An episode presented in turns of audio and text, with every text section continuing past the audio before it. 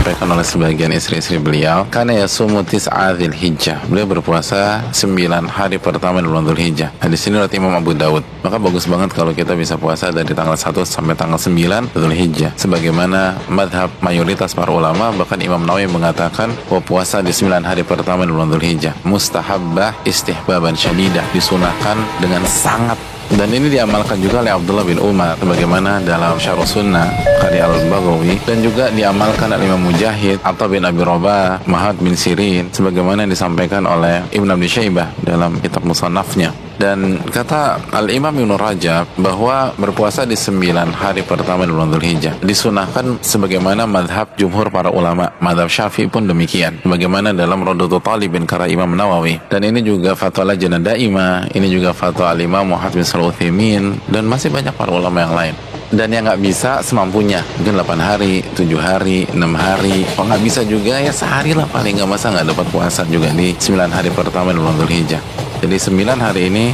itu waktu yang bisa dimanfaatkan untuk berpuasa